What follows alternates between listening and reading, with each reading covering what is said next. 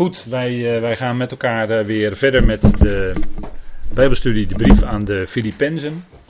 En wij zijn bezig met het eerste gedeelte, de eerste versen, vers 1 tot en met 6. Die wil ik ook zo meteen lezen uit de Nederlandse concordante vertaling. Die hebben we in boekvorm, een fijn boekje met uh, zes brieven van Paulus concordant vertaald. Als u dat niet heeft op papier, dan zou ik zeggen probeer het te bemachtigen via de boekentafel. En anders kunt u online het nalezen op um, ebenezer.nl. En er is ook zelfs een app, een ware app voor uw uh, smartphone. Zowel in Android als voor een Apple. En uh, nou, dan, uh, dan bent u van alle gemakken voorzien. En dan kunt u overal ter wereld waar u bent, kunt u gewoon met uw smartphone toch nog die Nederlandse concordante vertaling nakijken. Techniek staat voor niets tegenwoordig, dus ik zou zeggen, het is een aanrader, want uh, dat is toch wat scherper allemaal op de grondtekst. Hè. Dan bent u voorbij de gebruikelijke vertalingen. En dan bent u veel directer bij de grondtekst. Dus ik ga zo meteen lezen uit die Nederlandse concordante vertaling. En dat wil ik doen nadat we eerst zijn begonnen met gebed. Vader, wij danken u dat we ook vanavond hier weer bij elkaar zijn. Dank u wel dat u mensen in het hart geeft om hier te kunnen zijn. We danken u dat u ons dat in alle vrijheid doet. En vader, we beseffen dat het niet in alle landen van de wereld mogelijk is om op deze wijze in alle vrijheid bij elkaar te komen. Dank wel dat u ons wilt gebruiken deze avond ook als instrument in uw hand. Vader, en dank u wel dat u ons oor te luisteren legt bij die woorden van u, de woorden die spreken, van u die een groot God bent, u die liefde bent, u die de bron bent van alles. Dank u wel dat we ook vanavond mogen bidden om de geest van wijsheid en onthulling in de erkenning van u. Opdat we mogen weten wat de verwachting van onze roeping is. En wat de rijkdom van de heerlijkheid is voor ons. En vader ook van de lotgenieting. Vader, dank u wel dat we mogen bidden om de kracht die u geeft door uw geest. Die bijzondere kracht waarmee u zelfs uw eigen zoon uit de doden heeft opgewekt. Dank u wel dat u met die kracht in ons werkt. Vader, dank u wel dat we Mogen bidden, wilt u ons het verstaan geven met ons hart? Wilt u ons oren en ogen openen? Opdat we mogen verstaan de wonderen van dat wat u heeft geschreven. Vader, dank u wel dat we zo vanavond een aantal facetten mogen bekijken. Geeft u wijsheid, overdrachtsvermogen, uitdrukkingsvermogen. Vader, dank u wel dat we dat alles willen en mogen doen. En mag het zijn tot lof en eer en verheerlijking van uw grote naam. Bedank u daarvoor. In de naam van uw geliefde zoon. Amen. Goed, wij uh, gaan met elkaar lezen. Filippenzen 1. En ik lees met u vers 1 tot en met 6. Paulus en Timotheus, slaven van Christus Jezus, aan al de heiligen in Christus Jezus die in Filippi zijn, tezamen met opzieners en dienaren. Genade voor jullie en vrede van God onze Vader en van de Heer Jezus Christus. Ik dank mijn God bij elke herinnering aan jullie altijd in iedere bede van mij voor jullie allen met vreugde deze bede uitsprekend, vanwege jullie bijdrage aan het evangelie vanaf de eerste dag tot nu toe. Hiervan overtuigd dat hij die onder jullie een goed werk onderneemt, het voltooien zal tot aan de dag van Jezus Christus. Nou, tot zover uit de vertaling. En we hebben de vorige keer stilgestaan bij God. Want wij lezen in 1 vers 2, daar zijn we mee bezig met dat vers. Genade voor jullie en vrede van God onze Vader en van de Heer Jezus Christus. We hebben de vorige keer stilgestaan bij God. Wie is God? En dat is alle moeite, meer dan alle moeite waard om bij stil te staan. Want de, de woorden van God spreken van wie God is in de allereerste plaats. Hè? Als je de Bijbel leest met de gedachte, wat zegt het over mij, wat zegt het over de mens, dan uh, is dat eigenlijk, uh, dan bent u eigenlijk bezig met iets wat van een lagere orde is. Gods woord is primair gegeven door ons, door God, aan ons gegeven door God, opdat wij Hem leren kennen. Opdat wij God leren kennen. Daar gaat het om in zijn woord. En voor zover het ook met ons mensen betrekking heeft, nou, die heerlijkheid van God uiteindelijk, daarin zullen ook wij mogen delen. En ik wilde toch nog een paar facetten deze avond met u uh, bespreken over wie God is. God is liefde, heb ik ook de vorige keer gezegd. Zomaar het woordje God, als u op straat aan iemand vraagt, dan krijgt u allerlei antwoorden, allerlei mogelijke antwoorden. Maar Bijbels antwoord is dat God liefde is. En dat God werkelijk alles in zijn hand heeft. En vanuit die liefde van God, liefde is altijd een beweging van je af. Daarom is God een gevende God. Hij geeft. En dat is geweldig. Want daardoor word je bemoedigd. Door wat God geeft. En hij geeft, daar hebben we de vorige keer al bij stilgestaan. Die geweldige woorden die Paulus uitsprak op de Areopagus in Athene. dat, dat, is een fantastische toespraak die hij daar houdt. Dat is echt fantastisch wat hij daar zegt over God. En hij zegt onder andere, en dat is wat ik dan als kopje hier op deze dia heb. Dat is wat God geeft aan de mensheid. Dus ik wil dat even indelen in bepaalde facetten. God geeft ongelooflijk veel, maar wat geeft hij nou aan de mensheid? als je dat afvraagt. Nou, hij geeft, zegt Paulus, het leven, sowieso. En Andries haalde dat nog heel even aan, hè, zondag. Psalm 139, die fantastische woorden. Uw ogen zagen mijn embryo. dat is geweldig, wat er in Psalm 139 staat. Spreekt uiteraard in de allereerste plaats over de Heer Jezus Christus zelf. Maar daarna ook over ons, want het geldt natuurlijk ook voor ons. en dan is het God die leven geeft. En leven is altijd verbonden met zijn geest. Zijn geest geeft leven. En daarom zal God, die geest is, uiteindelijk aan het eind van zijn plan iedereen leven geven. U hoort goed wat ik zeg. Iedereen. Paulus schrijft in 1 Corinthië 15, vers 22 dat allen leven worden gemaakt. Wie? Alle Adamieten. Iedereen die in Adam geschapen was, die hele mensheid, zal aan het einde van Gods plan leven ontvangen. Hij zal iedereen levend maken. Wat een fantastisch evangelie, hè? Dat is goed nieuws. Dat is wat we moeten horen. Dat is wat de mensen ook moeten horen. Dat God zo is dat hij met iedereen tot zijn doel komt. He, dus niet voor niks dat Paulus dat aan Timotheus schrijft. dat uh, God is de redder van alle mensen. En dan zegt hij: beveel en leer dit. Dat is belangrijk, Timotheus. Dat moet jij leren en onderrichten. Aan ieder die het maar horen wil.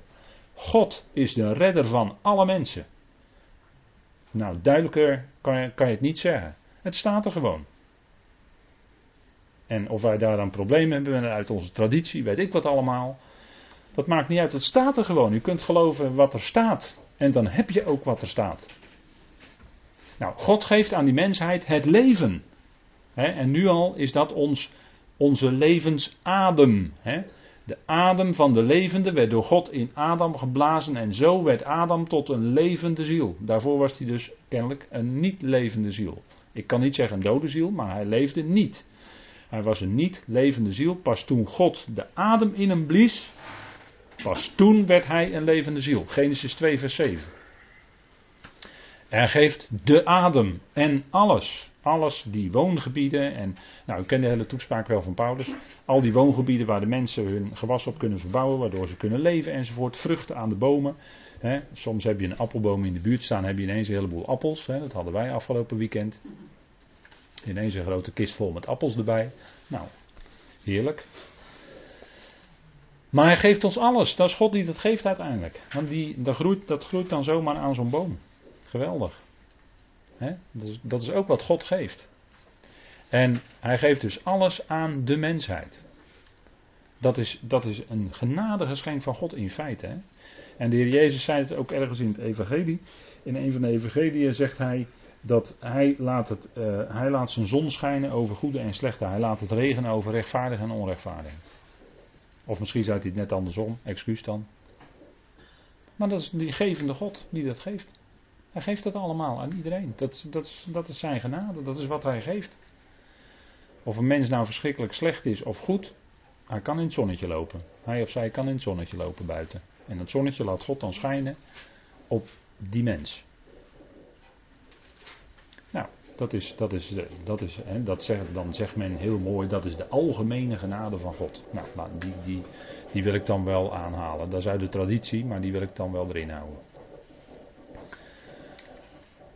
God geeft aan Israël. Wat geeft hij aan zijn eigen volk?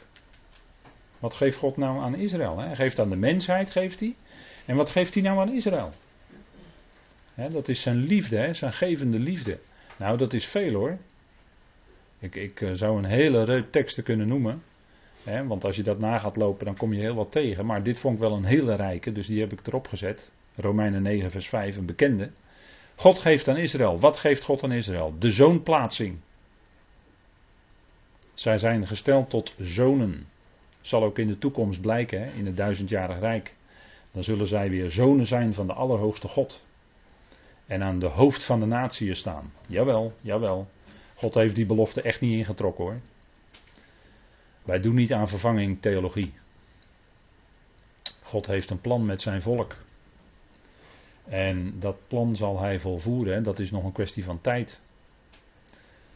Ze hebben de zoonplaatsing. Dat is niet ingetrokken hoor. Paulus, geeft, Paulus zegt dat allemaal in Romeinen 9 tot 11. En hij zegt nergens dat het ingetrokken is door God. Ze hebben de heerlijkheid. Ze hadden de heerlijkheid dat het woord van God aan hen was gegeven. Hè? Wat is nou het voordeel? Hè? De, iedereen zondaar.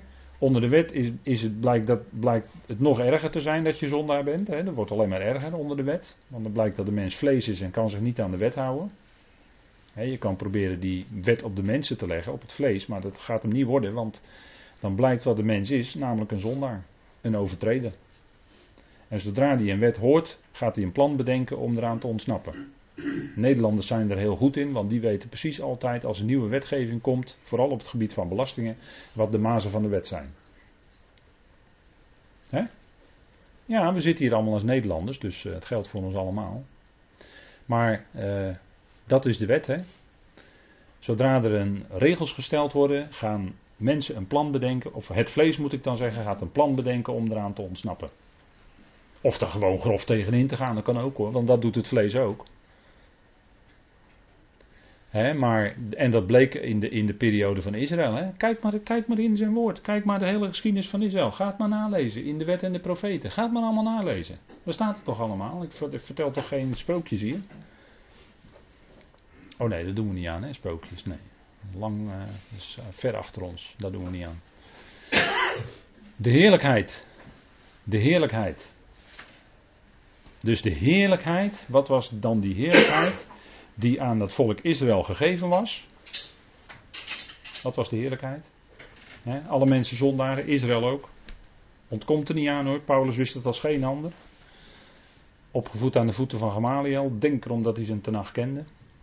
Maar de heerlijkheid, wat is dan de heerlijkheid? En dan zegt hij in Romeinen 3, ja, maar wat is dan het voordeel van de Jood en het nut van de besnijdenis? Nou, het allereerste plaats dat aan hun de woorden van God zijn toevertrouwd. Dat zet hij bovenaan, hè? Hij zegt in de eerste plaats, dus ten eerste, Romeinen 3, vers 1 en 2, dat aan hen de woorden van God zijn toevertrouwd. Dat is dus het hoogste, dat is de hoogste heerlijkheid die Israël gekregen had. Het woord van God. De tenag. En werd, dat werd uitgebeeld in het feit dat in het centrum van Israël was de tabernakel of de tempel. En in het centrum van de tabernakel en de tempel had je het heilige der heiligen. En in het centrum van het heilige der heiligen stond de ark van het verbond. En in die ark lag zijn woord, de wet, de stenen tafelen. Dus dat staat centraal. Daarom zegt Paulus, aan hen zijn de woorden van God toevertrouwd. Dat is een, van, een van hun heerlijkheid, dat ze die tabernakel en tempeldienst hadden, die priesterdienst. Dat zij dat licht van het woord konden verspreiden aan de natieën. Dat was een onderdeel van hun heerlijkheid. priesters waren vooral schrijvers. Die moesten schrijven, die moesten dat woord opschrijven, kopiëren. En die moesten dat woord ook onderwijzen. Daarom ging de Heer Jezus naar de tempel om daar onderwezen te worden en om daarover te spreken. Want het was een priesterlijke bediening om het woord van God te bewaren. En het woord van God bewaren is niet alleen ergens op de boekplank zetten. Dat doe je toch niet met je Bijbel? Hoop ik. Maar dat is het woord van God openen, tot je nemen. En waar mogelijk doorgeven aan anderen. Dat is het woord bewaren. Nou, dat moest Israël doen. En die, die taak van lichtdragersfunctie is, nadat Israël verhard werd, overgegaan naar de heidevolkeren. Daarover heeft Paulus het in Romeinen 11, als hij het heeft over de olijfboom. Ook zo'n moeilijk stukje. En dan hoor je iedereen zeggen dat wij geënt zijn op de olijfboom. Maar dat is niet waar. Maar goed, dat is een heel ander onderwerp, dus daar ga ik nu niet verder op in. Maar de verbonden, hè, is werd aan Israël gegeven, de verbonden. Het oude verbond en het nieuwe verbond. Want als God spreekt, dan is het vaak dubbel. Hè? Als God spreekt, is het dubbel. Zijn er twee getuigen. Wat denkt u, als het woord van God bijna verdwenen is van deze aarde? Of je mag het niet meer zeggen dat de Bijbel het woord van God is. Hè? De waarheid is dan op de aarde gesmeten. Daar hebben we het vorige week over gehad met de Bijbelstudie Openbaring. dan is het, de waarheid is op aarde gesmeten. Dat wil zeggen dat het woord van God, de Bijbel, niet meer erkend mag worden als de enige waarheid. En we leven al in die tijd hoor. Dat het politiek zeer incorrect is om te zeggen dat Gods woord de waarheid is, dat de Bijbel de waarheid is. Dat vindt men aanmatigend, dat vindt men arrogant. zo wordt er dan op die manier over gesproken. Maar als God dan, als in die tijd en nauwelijks nog de woorden van God gesproken worden, dan getuigt God weer door middel van twee. Twee getuigen. Openbaring 11, lees u het maar na. Twee getuigen. 1260 dagen lang profeteerden zij. En dan worden ze gedood. En dan is de mentaliteit van de mensheid zo dat op het moment dat zij gedood zijn, sturen ze elkaar cadeautjes. dan is het eh, weer Sinterklaas en kerst. Dat heb ik vorige week ook gezegd. dus dan gaan ze feest vieren. Hebben ze weer een uh, dag erbij. De verbonden. Het oude en het nieuwe verbond, bijvoorbeeld. En zo zijn er nog wel meer. Hè? Davidisch verbond de wetplaatsing. Hè? Dus ze hadden die Torah ontvangen van God, de onderwijzing. Hè? Wet is eigenlijk onderwijzing. De Torah, dat betekent dat er onderwijzen, hè, dat, en dat, dat heeft in zich als achtergrond dat woord dat het van boven naar beneden komt. Die onderwijzing. De wetplaatsing. Hè? De goddelijke dienst, dus de dienst bij de, ik noemde het net al, hè, de dienst bij de tabernakel en bij de tempel. Wat een afbeelding is, wat een afbeelding is van de goddelijke dienst te midden van de hemelingen. dat zegt Hebreeën 8. Mozes moest onderwijs geven over wat, hij, wat hem op de berg getoond was. En wat had hij gezien? Hij had gezien die goddelijke dienst van de hemelsen. Staat in Hebreeën 8, staat allemaal in Hebreeën hoor. En daar was het een weerslag van. En de beloften, hè? de beloften die aan Abraham gedaan zijn, aan u en aan uw nageslacht, en daardoorheen zal ik alle geslachten van de aardbodem zegenen. Het nageslacht van Abraham is in de allereerste plaats Christus. Dat hebben we gezien hè, bij de Galatenbrief. Want hij spreekt daar zaad in het enkelvoud, zegt Paulus dan, als wetgeleerde. En dan zegt hij, dat is de Christus. Galaten 3 vers 16. Zoekt u het maar na. En het nageslacht van Abraham is natuurlijk het volk. Het volk Israël. Natuurlijk. Dat is ook het nageslacht van Abraham. En via dat volk zullen alle geslachten van de aardbodem gezegend worden. Er zijn geweldige beloften gegeven. En tijdens, en dat die beloften gegeven zijn, daarna kwam de wetgeving. De Torah door Mozes, de wet door Mozes. Maar die beloften bleven staan hoor. Door die wetgeving gingen die beloften niet opzij. Die bleven gewoon staan, zegt Paulus in Galaten. En als u dat nog eens heel precies wil naluisteren, dan moet u de studies van de Galatenbrief gaan beluisteren. We hebben dat uitgebreid in eh, behandeld, hè, hoe dat zit. Maar aan hen zijn, voor hen zijn ook de vaderen, hè? de aartsvaders, Abraham, Yitzchak, Jacob. Dan zit bij de derde en dan heb je dus een dubbele, hè? want dan krijg je Jacob en Esau. Abraham, Isaac, dan komt de derde, die is dubbel. Jacob en Esau is er dan dat is heel vaak zo in de schrift. Bij een reeks van drie is het derde, dan gebeurt, is er iets dubbel. Of dan gebeuren twee dingen. Moet u maar eens opletten als u de Bijbel leest. Nou, uit hen is de Christus, en dat is, hè, dat is oplopende reeks zou je kunnen zeggen. Uit hen is de Christus naar het vlees. Dat is dan het hoogste. De hoogste die aan hen gegeven is. Christus naar het vlees. Hij is naar het vlees, komt hij uit de lijn van David. Ook van Abraham, hè, Matthäus 1. En die is boven allen. Die is boven allen gegeven als voortkomend uit dat volk Israël. Naar het vlees. Nou, dat is allemaal wat God geeft aan Israël. En dat is enorm veel. Ze zijn rijk gezegend. En is het zo dat God zijn volk, heeft God dan zijn volk verstoten? Vraagt Paulus in Romeinen 11 vers 1. Volstrekt niet, zegt hij dan. Volstrekt niet, hè. God heeft zijn volk niet verstoten. Maar hij heeft zijn volk lief. En hij zal met hen tot zijn doel komen, want die beloften staan er allemaal nog. Die profetieën moeten nog allemaal in vervulling gaan. En het zal een tijd zijn waarin zij uh, zullen regeren met een ijzeren roede zelfs over de volkeren. God zal zelf die shalom voor zijn eigen volk bewaren, bewaken. Dus aan Israël is enorm veel gegeven. En je zou ook nog kunnen zeggen, Israël is ook een geschenk van God aan de mensheid. He, zo zou je het zelfs ook nog kunnen zeggen. En dat zal blijken als zij die zegen zullen brengen in die komende tijd van de duizend jaren.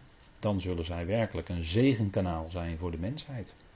En dan is wat God aan, dan is Israël een geweldig geschenk van God aan de mensen. En dan heeft hij zelf zijn geest in hun binnenste gegeven, dat is het nieuwe verbond. Hè?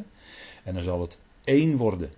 Want dan moet de naam van God geheiligd worden. Dat betekent dat die naam één gemaakt moet worden. En dat betekent dus dat de twee stammen en de tien stammen bij elkaar gebracht zal worden, zullen worden. En het zal worden één kudde, één herder.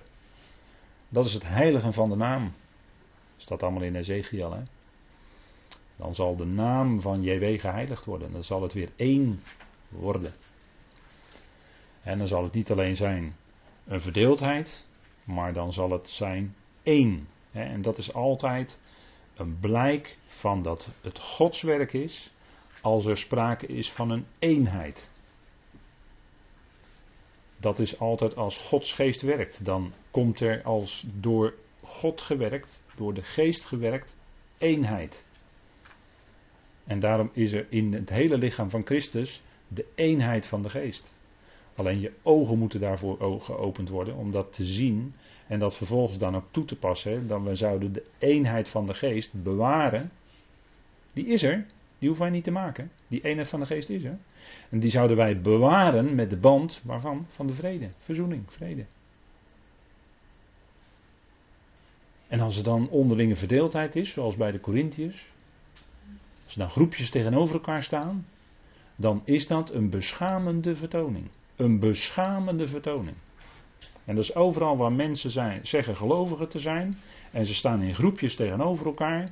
En ze gaan met elkaar, eh, weet ik wat, in felle discussies of in samenkomsten gaan mensen opstaan en lopen weg. Dat, dat gebeurt allemaal binnen het lichaam van Christus, overal hè, ter wereld. Weet u wat dat is? Dat is een beschamende vertoning als zoiets gebeurt. Dan ben je zo ver weg van die band van de vrede. Dan ben je zo ver weg van verzoening. Corinthiërs zich, hadden zich diep, diep moeten schamen over hun gedrag. Vleeselijk is het. Maar goed, uh, God zal Israël één maken. Het zal worden één kudde, één herder. En dan is het tot de eer van God. Als die eenheid er is. En die zal er zijn in de duizend jaren en daarna nog veel meer. En God geeft, en dan gaan we even een stapje verder. God geeft, wat geeft God aan de gemeente? We hebben net Israël gehad, gaan we nu naar de gemeente. Wat geeft God aan de gemeente? Nou ja, daar kunnen we natuurlijk jaren over doen. Om dat allemaal te gaan bespreken wat God aan de gemeente geeft. Want dat is zo rijk, dat is zoveel. Maar laten we beginnen bij het hoogste. Bij het allerbeste. Dat is dat Christus Jezus als hoofd boven allen is gegeven. Boven alles aan de uitgeroepen gemeente. Efeze 1, vers 22. Alsjeblieft. Alsjeblieft. Dat is de hoogste, het hoogste en beste wat je maar kan voorstellen. Wat God aan de gemeente gegeven heeft. Christus Jezus als hoofd boven alles. Hè? Dus Paulus zegt dat daar in een tekstverband waarin het gaat om boven alles van het universum uit. Van, van Gods hele schepping uit. Is Christus Jezus gegeven als hoofd aan de uitgeroepen gemeente. We staat helemaal aan de top. Onvoorstelbaar. Onvoorstelbaar, wat een heerlijkheid. En als we dan die Heer mogen kennen en we door Hem gekend zijn, dat zou ons al direct moeten brengen tot ootmoedigheid. En dat is precies waar Filippenzen over gaat. We zitten in de Filippenzenbrief. En als we beseffen dat Hij het hoofd is, zou ons dat direct ootmoedig maken. Naar Hem toe en naar elkaar toe. Hij is het die de lijntjes uitzet in de uitgeroepen gemeente. Wij niet. Kom, kom. Hij is het hoofd. Even goed bij de les blijven. Hè? Paulus zegt dat niet voor niks met zulke bewoordingen. Het is hem door God gegeven om het zo op te schrijven, kan ik beter zeggen. En, en wat geeft God nog meer? Nou, dat is zo rijk? Efeze 1, dat is zo fantastisch. He, dan val je van de ene verbazing in de andere. En ik hoop dat u die verwondering nog steeds kent. Dat als u dat leest, dan denk je van, oh wat is dat geweldig. Wat is dat toch geweldig wat God aan ons geeft. Uitgekozen in hem. Notabene voor de nederwerping van de wereld. Kunt u het begrijpen? Ik begrijp het niet. Daar begrijp ik helemaal niks van. Alleen ik kan misschien zeggen van nou, ik geloof het, maar ik begrijp dat niet. Maar ik geloof het wel dat het zo is. En dat geeft mij een enorme rust en zekerheid. En dan als, we, als je bewust bent dat je lid bent van het lichaam van Christus, dan kan het ten diepste toch nooit iets meer misgaan. En bij God gaat het toch ook nooit iets mis? God, God, God maakt nooit een missen. Dat is onmogelijk. En dat hij u en, en jou en mij heeft uitgekozen. En al op het oog had voor de nederwerking van de wereld. Dat was geen misser. Dat was zijn bedoeling. En waarom het zo is? Ja, dat is zijn liefde. Begrijpen we dat? Nee. Geloven we dat? Ik hoop het wel. Ik hoop dat u dat ook gelooft. Ik denk het wel. Maar kijk, hij ziet ons altijd van meet af aan heilig en smetteloos voor zijn aangezicht. Wat een wonder, hè? En dan denkt u, mij? Ziet hij mij? Heilig en smetteloos? Al zo lang geleden en, en nu nog steeds? Ja, in Christus bent u dat. In Christus zijn we heiligen en smettelozen voor zijn aangezicht. Voor zijn aangezicht, hè? Zijn aangezicht. En dan kijkt hij naar ons, als het ware, hè, om het even mensvormig te zeggen. Dan kijkt hij naar ons in liefde. Want hij ziet ons aan in Christus. Zo ziet hij u, al, u en mij altijd.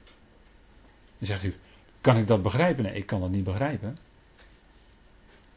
Maar als dat tot je door mag dringen, als, als God het geeft door zijn geest in je, dat dat tot je doordringt, dat je, dat, dat je daar iets van mag verstaan, dan is dat genade. Dat kun je niet van jezelf. En, en daarom bidden we regelmatig om de geest van wijsheid en onthulling in de erkenning van Hem. Dat hebben we nodig. Anders kunnen we die Efezebrief niet verstaan, niet begrijpen. en ja, dat zijn dat zijn misschien voor, dat u denkt van ja, maar dit is allemaal zo, dit, dit lijkt bijna allemaal abstract, dit is bijna ongrijpbaar. Ja, maar dit zijn geestelijke waarheden en die kun je nu eenmaal niet pakken. God moet het geven in je door zijn geest dat je het gaat bevatten, dat je het gaat begrijpen. Dat je het met je hart gaat verstaan. Dat je in je hart daar ja en amen op zegt, dat je er blij van wordt van binnen. En als je dat eenmaal tot je doorgedrongen is, ja, dan, dan is het fantastisch. Dan kan je van binnen wel juichen. En misschien doet u dat ook wel eens. Nou, tevoren bestemd in liefde tot zoonplaatsing, hè, staat er dan. Tot het zoonschap vertalen we dan. Maar als je het heel letterlijk vertaalt, is het zoonplaatsing. Plaats van een zoon gekregen. Onvoorstelbaar, wat een rijkdom. Wat een rijkdom. Vrijkoping door zijn bloed. De rijkdom van zijn genade. Paulus die gebruikt superlatieven als hij erover spreekt, als hij erover schrijft. En, en dat, ja, dat, dat moet het eigenlijk ook bij ons, hè, zou dat mogen oproepen, dat we, dat we die hoogte gaan zien hè, waar we dan op zijn. Nou, en zo, ik heb het erbij gezet op deze dia dan, et cetera. Nou, lees het zelf na. En word er zelf opnieuw weer blij van, van deze dingen. Want dit is, dit is voedsel voor uw hart, hè. Dit is brood voor uw hart. Dit heeft u nodig. om dat weer te horen, dat weer opnieuw bewust te zijn. Dat is tot opbouw van uw geloof. En dat geeft God allemaal aan ons. Ja, dit zijn natuurlijk maar een paar dingen, maar dit is wel geweldig veel. Hè? Hier kun je al een hele avond makkelijk mee vullen. Maar God geeft dat dus aan de gemeente. En wat geeft hij nog meer? Het gaat nog verder, hè? Hij geeft ons een plaats te midden van de hemelingen.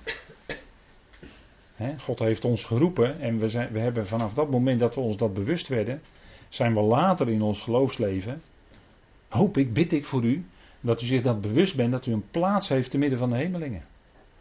En dat u zich niet af laat leiden door leringen van mensen die zeggen dat de gemeente op aarde zal blijven in de toekomst. Want dat is niet zo. En goed, dan zul je het, als je dat anders hebt geloofd, dan zul je het moment van de bazijn zul je het gaan ervaren. Wat je plaats was, al die tijd al. Ga je het ontdekken. Hij geeft ons een plaats te midden van de hemelingen. Daar zijn we nu al gezet. En in de komende eonen zullen we in die bediening zijn. We zullen niet werkloos zijn, of we zullen niet op een harpje en orgel spelen in de hemel. Zo is het niet. Of met palmtakken zwaaien. Nou, dat al helemaal niet hoor. Want dat doen ze op de, op de aarde. Daar hebben we vorige week heel even bij stilgestaan. met de openbaring bijbelstudie. Maar wij gaan aan die hemelse machten en krachten gaan wij verkondigen wie Christus Jezus is. Gaan wij hun, de boodschap van hun redder, maar ook hun onderschikker brengen. En we zullen mee mogen werken in dat geweldige plan om die hemelse machten en krachten te brengen tot onderschikking onder de voeten van Christus. Betere plek is er niet hoor, onder zijn voeten. Onder zijn voeten, de voeten van je redder. De voeten van je Heer, de voeten van je hoofd. En die hemelse macht en krachten erkennen hem lang niet allemaal nog als hoofd. Maar dat moet wel gaan komen. Dat is voorzegd, dat moet gaan komen. Dat is het einddoel van God. Dat alles onder dat ene hoofd gebracht zal worden. Staat ook in de Efezebrief. Die brief is zo enorm geladen. Die is zo geladen, er staat zoveel in. Maar alles zal onder dat ene hoofd Christus gebracht worden. Hij is het hoofd. En, en wij mogen daaraan meewerken als het gaat om de hemelingen. En Israël op aarde als het gaat om de volkeren. En heb je weer twee getuigen. Hè? Als het gaat om verspreiden van het woord van God, twee getuigen. Israël en de gemeente. Heb je er weer twee, hè? Gods woord is altijd, dat, dat heeft altijd twee kanten. Is altijd, heeft altijd een dubbelheid in zich. En dat is ook de werking van het woord, maar daar wil ik later op de avond nog iets van zeggen. Hoe dat woord van God werkt. Maar wat geeft God aan de gemeente nog meer? Apostelen, profeten, evangelisten, herders, leraars. Vijf. Getal van de genade. Vijf. En apostelen en profeten, die zitten in het fundament. Dat weten we. Staat in Efeze 2, vers 20. En dan geeft God nu aan de gemeente evangelisten. Die spreken het woord. Herders. Die brengen de kudde bij het goede voedsel. Bij, het, bij de grazige weiden van het woord van God. Hè. Het goede voedsel dus. En de leraars, wat doen die? Die geven onderricht uit het woord. Dus drie, die alle drie met het woord van God te maken hebben. Want dat is wat centraal zou staan in het lichaam van Christus. En tegenwoordig kun je niet in alle landen van de wereld meer vrij bij elkaar komen. In Turkije moet al toestemming gevraagd worden aan de overheid of je Bijbelstudie mag geven. En doe je het niet, wordt je kerk gesloten. En daar was men, eh, ik kreeg daar, daar een artikel vandaag van toegestuurd, en daar schrok ik toch wel een beetje van. Dat het daar al zo ver is. En uh, toen werd er wel even tussendoor heel fijntjes opgemerkt van, ja, maar dan vervalt gelijk de, eigenlijk de kern van het kerk zijn. Dat je met bijbelstudie bij elkaar komt. Ik denk, hé, hey, die neem ik mee. Daar wordt dus ook erkend, hè. Dat het in de gemeente gaat om het woord. Dat is wat centraal moet staan. Dat is dat licht wat we allemaal nodig hebben. Evangelisten, herders en leraars. Hè, was God geeft, dat geeft God aan de gemeente, aan dat hele lichaam van Christus. Goed, dan uh, gaan we nu even naar weer een ander punt. We hebben gekeken naar God heeft aan de mensheid, God heeft aan de Israël, God geeft aan de gemeente. En wat geeft God nu aan Christus? God geeft hem sowieso, hemzelf aan, aan de hele schepping. Maar wat geeft God nu aan Christus? En dan zien we dat het allemaal bij God vandaan komt, hè? de Vader. Alle volmacht in hemel en op aarde, dat zei hij in zijn opstanding. Hè? Aan mij is gegeven alle volmacht in hemel en op aarde. Alle volmacht was hem dus van boven gegeven. Zoals hij al daarvoor, kort ervoor tegen Pilatus gezegd had. Toen Pilatus zei dat hij macht over de Heer had om hem eh, te laten kruisigen. Toen zei de Heer, je zou geen volmacht over mij hebben als het je niet van boven gegeven was. Weet u wel? Tegen Pilatus. En zo was het ook. Pilatus kon alleen maar die volmacht over hem uitoefenen als het hem ten diepste niet door God gegeven was. Dat bedoelde de Heer natuurlijk. Hè? En de, de, keizer op dat moment kon alleen maar keizer in Rome zijn omdat het door God gegeven was. Anders had hij nooit zo ver kunnen komen. Wat, wat dacht u van vroeger van de farao?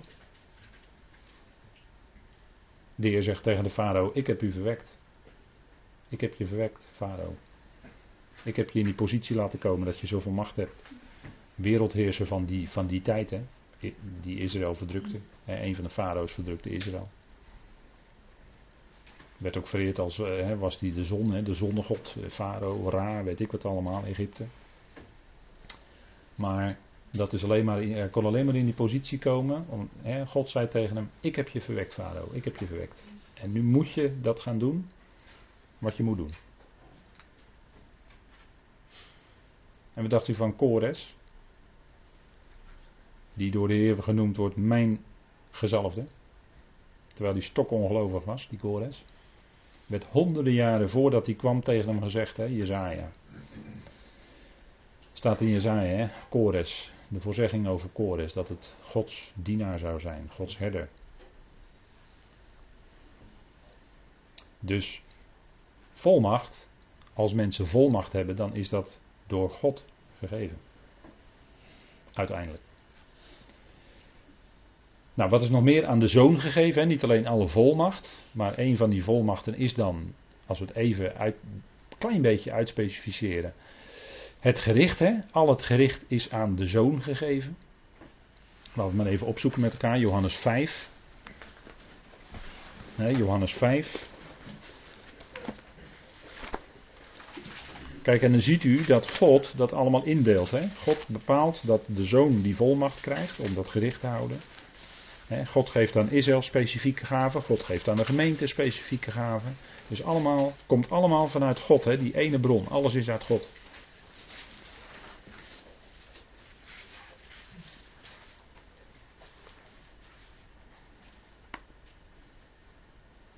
En er staat er in Johannes 5, hè, dat zijn natuurlijk geweldige woorden. Hè? Want zoals de Vader, vers 21, want zoals de Vader de doden opwekt en levend maakt, zo maakt ook de Zoon levend wie hij wil.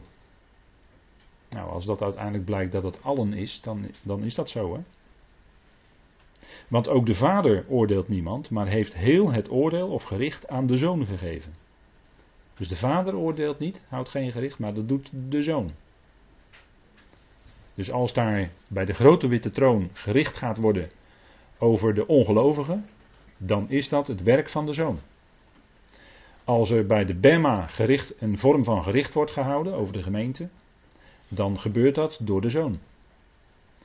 Als de volkeren gericht moeten worden aan het begin van de duizend jaren, Matthäus 25, dan gebeurt dat door de zoon, die dan zal zitten op de troon zijner heerlijkheid. En dan zal hij de volkeren bijeen verzamelen als schapen en bokken. Zoals een herder de schapen en de bokken bij elkaar verzamelt. Hè? Matthäus 25. Dan is het de zoon die daar gericht houdt op de troon van zijn heerlijkheid over de volkeren. die schapen en bokken zijn dan volkeren. Even voor alle duidelijkheid. Het zijn geen individuele mensen. Maar dat zijn volkeren. Het staat er allemaal gewoon bij hoor. Het staat er allemaal gewoon bij dat, dat zeg ik wel vaker in de schrift. Als je het probleem hebt van hoe zit het nou, moet je even context lezen en dan staat het er gewoon bij vaak. Het antwoord op je vraag. De schrift geeft zelf antwoord. maar vers 26, die nemen we gelijk even mee, want de vader heeft het ook aan de zoon gegeven om leven te hebben in zichzelf. dat was zowel voor als na zijn opstanding zo. Want zoals de Vader het leven heeft in zichzelf, Johannes 5, vers 26, zo heeft hij ook de Zoon gegeven het leven te hebben in zichzelf. En dat geven staat daar in de aoristus. Dus dat is een feit. Dat is niet aan tijd gebonden. En hij heeft hem ook macht of volmacht gegeven. dat is het woord exousia. Dat betekent dat het uit een bepaalde volmacht geven komt. Om oordeel te vellen, om gericht te houden, omdat hij de zoon des mensen is. Hij is niet alleen de zoon van God, maar hij is ook de zoon van Adam. De zoon des mensen, de Ben Adam. En de Ben, de zoon, is ook altijd de bouwer. Hè? De zoon is altijd de bouwer. In het Hebreeuws komt het woord ben van het Hebreeuwse werkwoord bana en dat betekent bouwen. Dus het woord zoon heeft ook altijd, houdt altijd ook verband met bouwen. De zoon is de bouwer. De zoon bouwt aan het plan van God. De zoon voert het plan van God uit, maar omdat hij de zoon is, kan je ook tegelijkertijd zeggen dat hij bouwt aan dat plan van God. Hè? En het staat nu allemaal nog, iemand heeft dat mooie beeld wel eens gebruikt, het staat nu allemaal nog in de stijgers, het is nog niet af. Nee, nu zien wij nog niet dat hem alle dingen onderworpen zijn. Nee, klopt, het is nog niet af, plan. Eerst, straks moeten de stijgers weg. En dan zien we het voltooide plan en dan is het af, dan is het bouwwerk af. Dan is alles tot volkomenheid gebracht. Hè? Maar dat is wat de zoon doet. En hij heeft het gekregen van God om leven te hebben in zichzelf. En daarom kon hij ook het dochtertje van Iris opwekken. Hij zei Talita Kumi, hè? Talita Kumi. Ik zeg je meisje, sta op. De jongeling van Nain, hij wekte hem op uit de dood, hè? Weet u nog? De jongeling van Nain, dat was de zoon van de vijftig, weet u het nog? Nain hè, heeft, houdt verband met het Hebreeuwse letter 50, Noen, Nain. En dan zit je in eigenlijk de feestelijkheden in de 50 zit je eigenlijk in het feest. Bij 50 is het feest eigenlijk, zou je kunnen zeggen. Echt feest dan, hè? En hij wekte Lazarus op. En dat was wel de sterkste. Want, uh, ja, na drie of vier dagen, dan hangt er al een bedenkelijke lucht natuurlijk. Maar de Heer zei Lazarus hierheen eruit. En toen moest hij komen. Dat was de levendmakende stem van de Zoon van God. En daar sprak hij als degene die kon zeggen: Ik ben de opstanding en het leven. Hij is niet alleen de opstanding, maar hij is ook het leven. Dat is meer, dat is de levendmaking. Dat zit daarin, hè, in die uitspraak. Geweldig hoor. Ik ben, moet u maar eens nalopen. Al die ik ben uitspraken in het Johannesevangelie. Dat is geweldig. En dan zegt de Heer eigenlijk dat hij JW is. Want JW is ik ben die ik ben. En dan zegt hij steeds ego eimi in het Grieks. Ik, ik ben. Heel nadrukkelijk. Hè? Als er ego gebruikt wordt in het Grieks is het heel nadrukkelijk. Ik ben het licht van de wereld. Ik ben de opstanding en het leven. Ja, als je hem kent, dan heb je ook leven. Dan ga je pas echt leven. En dan is dat wat, wat je daarvoor deed, ga je erkennen, ja, dat was eigenlijk geen leven. Maar als je Hem kent, dan heb je echt leven. En daarom is altijd de vraag van de mens, wie is Hij? Wie is Jezus? Raadpleeg de schriften. Want we zouden de Christus, de Jezus Christus van de schriften verkondigen. En toen de Corinthiërs een andere Jezus gepredikt kregen, aanvaarden ze hem snel hoor. Want ze hielden het nog voor een behoorlijk deel bij hun eigen filosofie, bij hun eigen wijsheden. Ze wisten het zelf allemaal heel goed. En ze aanvaarden zo een andere Jezus. En ze namen zo een andere geest aan. Maar we moeten oppassen, want in deze tijd doet de tegenstander zich voor als een boodschapper van het licht. En dat staat allemaal in 2 Korinthe 11. Maar het gaat om, als het om Jezus Christus gaat, ken je hem? Dan gaat het om de Christus van de schriften. Wie is hij? Dat, dat bespreken we avond aan avond. Hè? Wie hij is. Dat komt naar voren uit de schrift. En dan blijkt hij veel geweldiger te zijn dan mensen denken. Maar als je hem kent, dan heb je echt leven. Dan heb je vreugde in je hart. Hoe het ook gaat. Maar ten diepste is er altijd diep van binnen die vreugde. En dan kunnen de tranen over je, over je wangen lopen. Misschien wel dagelijks. En dan kan er toch tegelijkertijd die vreugde in je hart zijn. Omdat je Hem kent. En dan meer nog dat je door Hem gekend bent. Dat is geweldig. dat je die hoofd van het universum, dat je Hem mag kennen. Oh, wat is dat, wat is dat geweldig. Hè? Ja, dat is de Heer, hè, de Christus van de Schriften. En prediking waarin Hij ontbreekt. Ik zou bijna willen zeggen, er ontbreekt alles. Als Christus niet centraal staat in de prediking, dan ontbreekt eigenlijk alles, zou je kunnen zeggen. Want God spreekt in zijn woord altijd over zijn zoon. Ja, is dat zo gek als je zo'n zoon hebt? Nee? heeft een Bijbelleraar ooit wel eens gezegd. Ik weet wie het is, het was een Fries. God spreekt altijd over zijn zoon.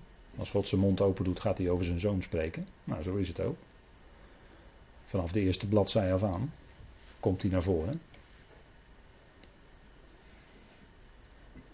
dat, dus dan zouden wij, als we, als we spreken, als we prediking hebben, als we bijbelstudie hebben, dan zou hij naar voren komen. Want het draait om hem. En pas in de tweede instantie draait het misschien ook, hè, komen wij ook in beeld. Maar het draait om hem, hij zou centraal staan. Nou, God had hem gegeven om leven te hebben in zichzelf. leven in zichzelf. En hij deelt het toe uiteindelijk aan een ieder, zo is hij.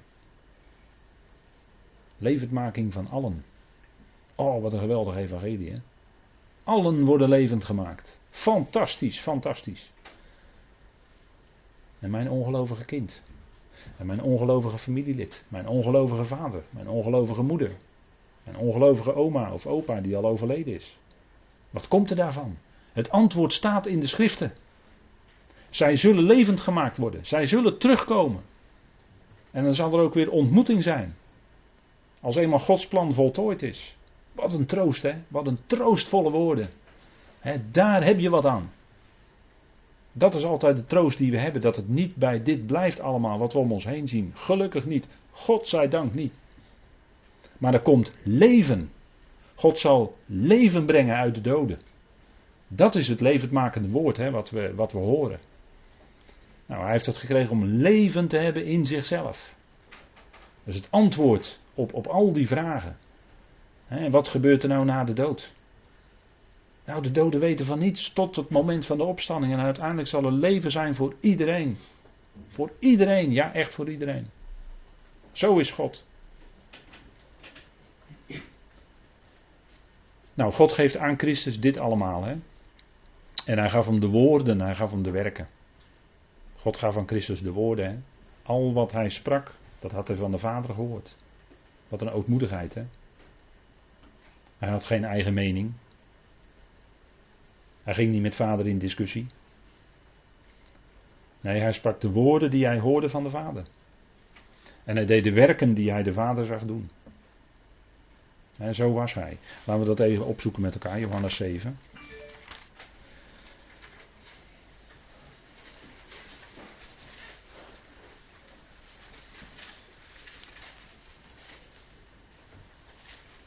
vanaf vers 14. Maar toen het feest al half voorbij was, ging Jezus naar de tempel en gaf onderwijs. Ziet u wat hij doet? Ik had het toch net over de lerende priester in de tempel. Jezus gaat hier naar de tempel, hè? En daar geeft hij onderwijs. Tempel, onderwijs. Plek van het onderwijs. En de Joden verwonderden zich en zeiden: Hoe kent hij de schriften zonder onderwezen te zijn? Ziet u het? Gaat het om de bevoegdheid, hè? Ja, maar hij heeft geen opleiding gehad, zeggen ze dan gelijk. Hè? Hoe weet hij dat dan allemaal? Dat kan toch niet? Moet toch gewoon opgeleid zijn aan de officiële instituten van deze wereld? Hè? Altijd de vraag naar de bevoegdheid. Als mensen Gods woord spreken, komt er op een gegeven moment die vraag naar de bevoegdheid. Hè? Van wie heb je deze bevoegdheid? Met andere woorden, heb je wel een opleiding gehad? Heb je wel een stempel van de hoge priester? Jezus antwoordde hun en zei: Mijn onderricht is niet van mij, maar van hem die mij gezonden heeft. Dus hij gaf door wat hij van vader hoorde.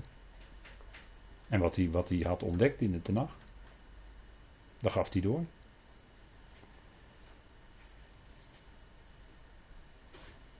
Als iemand de wil heeft om zijn wil te doen, dan zal hij van dit onderricht weten of het uit God is, of dat ik vanuit mijzelf spreek. Wie vanuit zichzelf spreekt, zoekt zijn eigen eer. Maar wie de eer zoekt van hem die hem gezonden heeft, die is waarachtig en geen ongerechtigheid is in hem. Hoe eerde de Heer Jezus zijn vader? Door de woorden te spreken die hij van de vader hoorde. En niet zijn eigen woorden. En daarmee kunnen wij ook Hem eren als wij aan anderen doorgeven wat geschreven staat, wat zijn woord zegt. Ja maar, ik denk, ik voel, ik meen. Daar eer je God niet mee hoor, daar eer je je eigen mening mee. Maar je eert Hem als je doorgeeft de woorden die in Gods woord geschreven staan. Dat is tot eer van God. En, en zo is de enige manier om werkelijk Hem te kunnen eren. En dat deed de Heer Jezus. En dan heeft dat woord van God heeft altijd twee kanten. Hè? Ik heb vanavond een paar facetjes laten vallen tussendoor. Maar het woord van God heeft twee kanten. Kijk, Paulus die zegt daar iets over in de tweede Korinthebrief. Hij zegt, kijk, dat woord is voor sommigen tot leven is een aangename geur, is een overwinningsgeur. En dan gebruikt hij een bepaald beeld. En dan zegt hij dat is tot leven. Maar voor anderen, voor anderen die op dat moment verloren gaan, die omkomen. Dat is tijdelijk altijd in de schrift, hè, verloren gaan. Dat is nooit eeuwig. In de schrift staat nergens dat mensen voor eeuwig verloren gaan. Die uitdrukking kun je nergens terugvinden. Maar verloren gaan is altijd tijdelijk. Maar degenen die verloren gaan, die omkomen, voor hen is datzelfde woord een doodslucht ten dode, zegt Paulus. Maar voor degenen die leven, die geroepen zijn, die geloven, voor hen is het een levensgeur tot leven. En kijk, dat is nou die dubbele werking van het woord. Die twee kanten. De een die zegt van, ik keer me om, ik keer me de rug er naartoe, want ik kan er helemaal niks mee. Het, zegt me helemaal niks. Eh, ik vind het allemaal maar akelig wat erin staat en dit en dat. En voor de ander is het fantastisch. Die leeft daarop. Die leeft op dat woord van God. En dat is die dubbele werking van het woord. En het heeft ook een werking. Hè? De dubbele werking van het woord is dat het kan zijn tot de dood inderdaad, maar ook tot leven. Kon leiden tot de dood. En daarom zei Paulus van dat oude, van die Torah, daar was hij Paulus van het oude verbond, dat het een bediening was van de dood. Dat staat in 2 Korinthe 3. Het is een bediening van de dood. Dat is de ene kant van het woord van God. Hè? Als iemand zich niet zou houden aan, dan moest hij zelfs letterlijk ook gedood worden. Dat is de ene kant. Maar de andere kant is dat het zou kunnen leiden tot leven.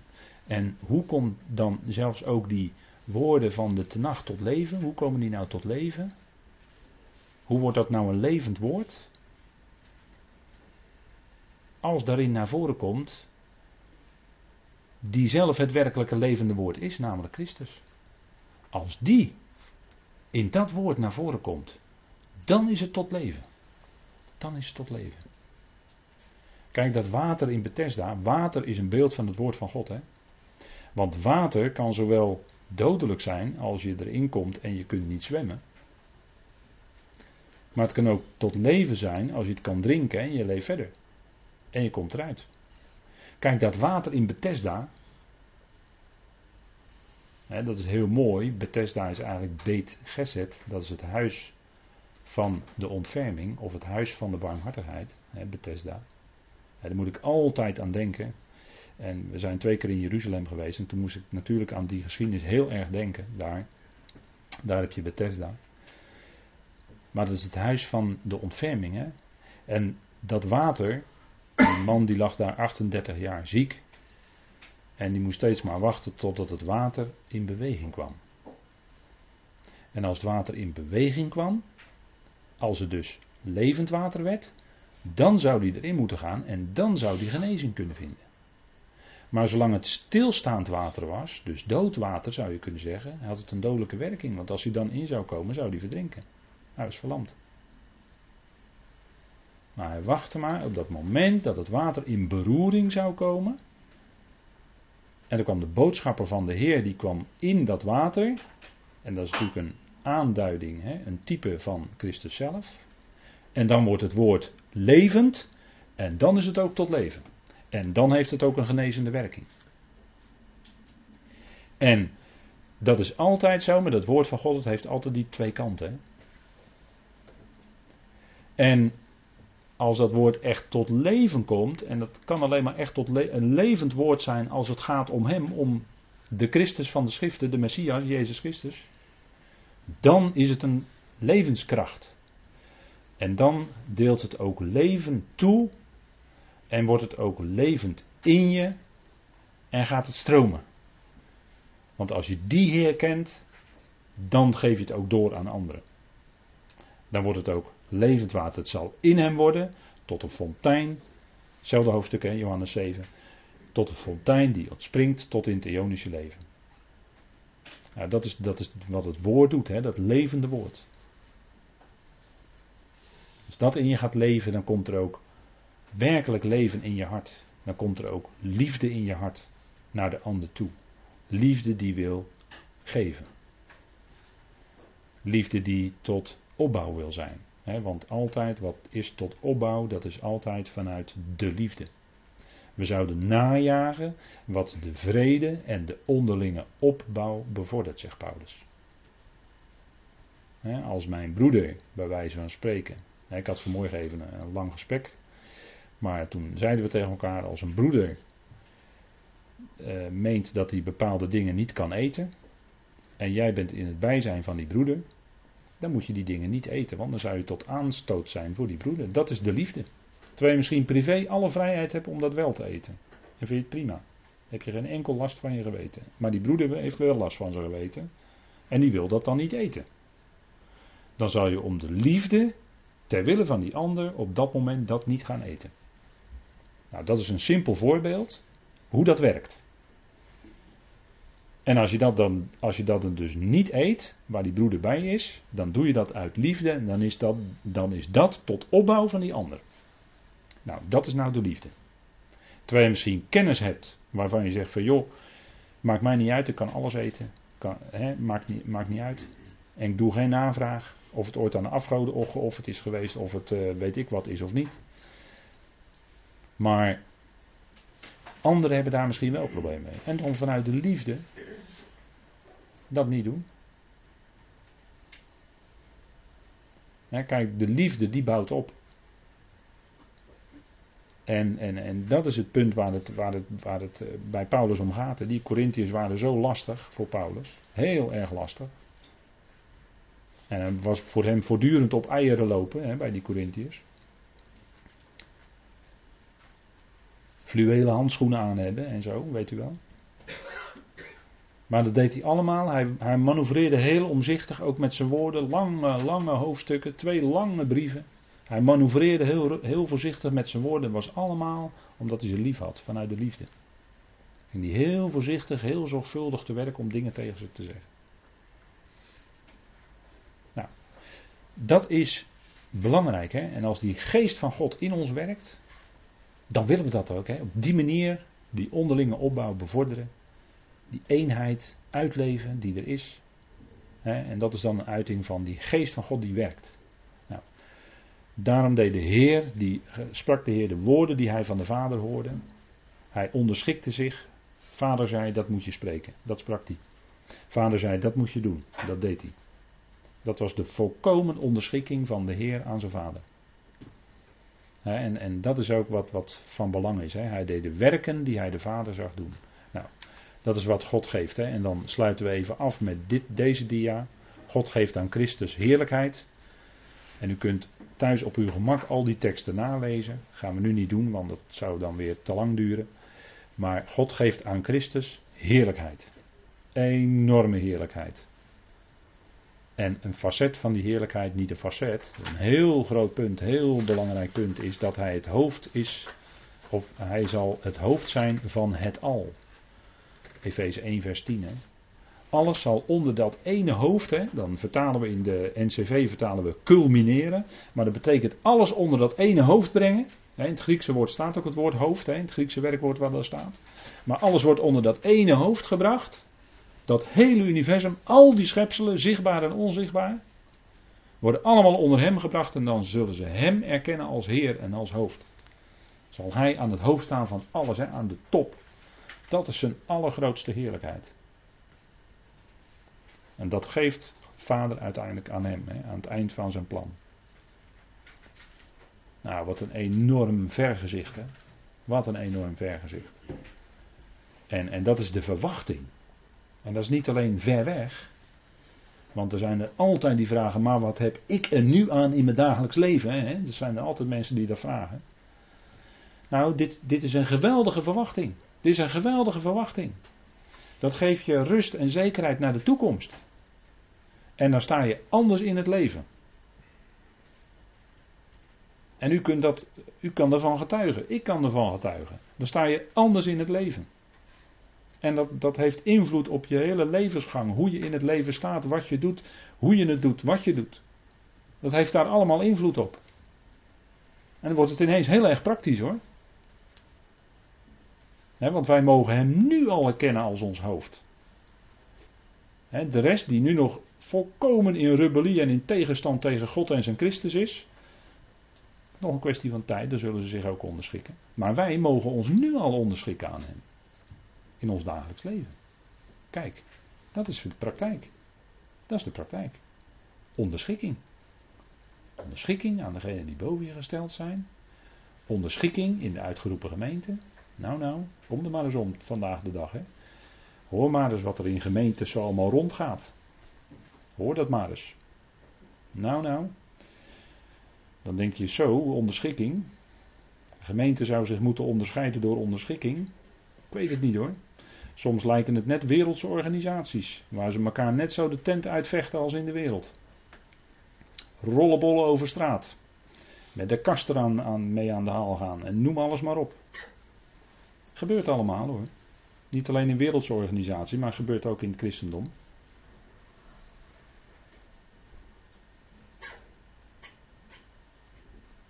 en en, en dat, dat, dat, dat gemeentes dan uh, splitsen en splijten door onderlinge kloverijen en meningsverschillen. Het is een beschamende vertoning. Je zou je diep moeten schamen. Echt waar. Je zou je diep moeten schamen. Maar het gaat om onderschikking in de uitgeroepen gemeente uiteindelijk. Daar gaat het allemaal om. En als je daarover gaat praten, dan ga je mensen tegen de haren instrijken hoor. Ga maar over onderschikking spreken. Nou, dan krijg je reacties, absoluut is niet naar de mens. En dan komt het vlees in opstand. maar daar hebben we in de gelaten brief ook uitgebreid bij stilgestaan. Hè, wat de plek is aan het, van het vlees. Aan het kruis. Dat is de plek van het vlees. Meegekruisigd met Christus. Dat is de boodschap voor het vlees. Nee, heeft geen toekomst bij God hoor, het menselijke vlees.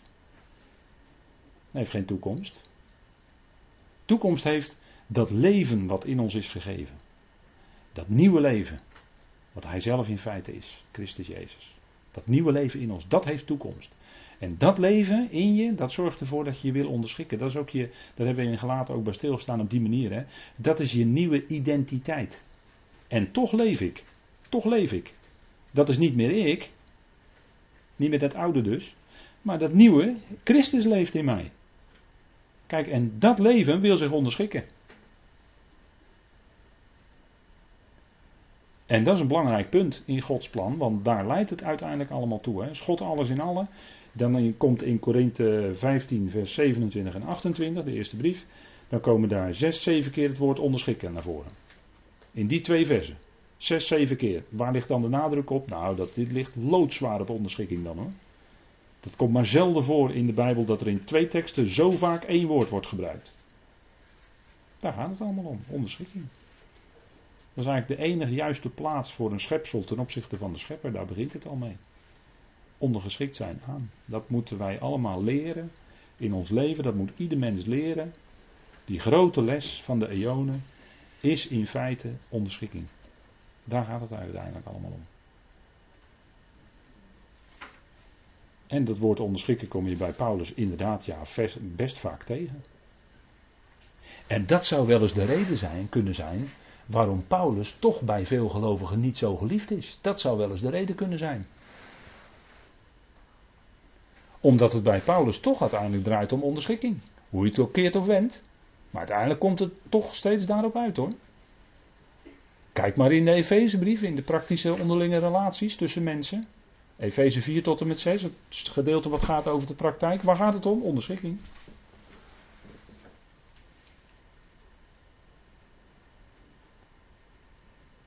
En dat is het punt, hè?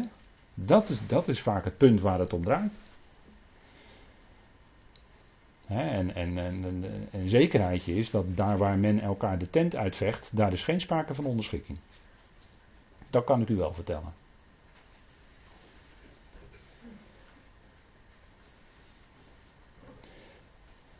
Maar dat is het punt en dat is niet om ons te plagen natuurlijk. Dat is de beste plek.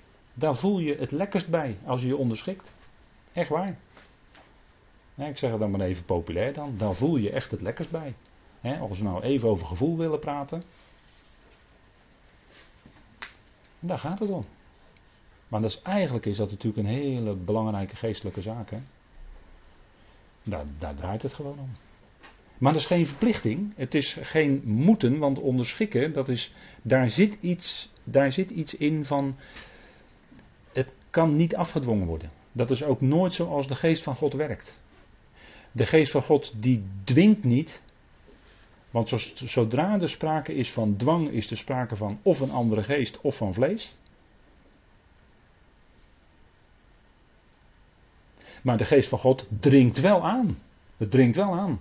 Door het woord. Dringt wel aan en je prikt wel in je hart. Hé joh, onderschikken. Maar er wordt niks afgedwongen. want we leven allemaal met elkaar als gelovigen in de genade. En dat is, dat is heel erg ruim. In de zin van, daarin maken wij allemaal bij gelegenheid fouten.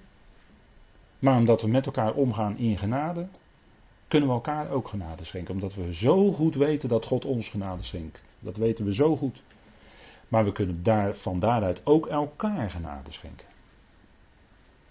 Maar neem niet weg dat de geest wel degelijk door het woord aandringt op onderschikking uiteindelijk. Want daar komt het uiteindelijk wel op aan. maar het is niet het gehoorzamen zoals dat bij Israël gold onder de wet, want dat werd afgedwongen. Dan moest je gehoorzamen. Deed je het niet, dan kreeg je sancties of werd je zelfs buiten de gemeenschap gezet. Maar dat onder de genade is dat anders. Maar gaat het om dat je van binnenuit, dat je van binnenuit je wil onderschikken. Kijk, en dan zeggen wij dat is vrijwillig. Nou ja, goed. Hoe je dat woord vrijwillig dan ook maar wil invullen. Maar dan werkt het dus anders. Hè? Het werkt van binnenuit. En het wordt niet meer van buitenaf opgelegd, nu moet je. Nee, nu wil ik van binnenuit anders. Ik wil mij onderschikken. En zo is het ook bij de zoon. Die onderschikte zich aan de vader. En dat is het, hè? Dat is het. Kijk, dit zijn zulke belangrijke punten. Hè, dat het wel eens goed is om daar ook vanavond weer eens even met elkaar over te spreken. Dat dit een heel belangrijk uh, facet is. Voor ons functioneren, heel praktisch met elkaar. Nou, ik ben alweer veel te lang doorgegaan, zie ik. Het is tijd voor koffie. Ik denk dat u daar wel behoefte aan heeft nu.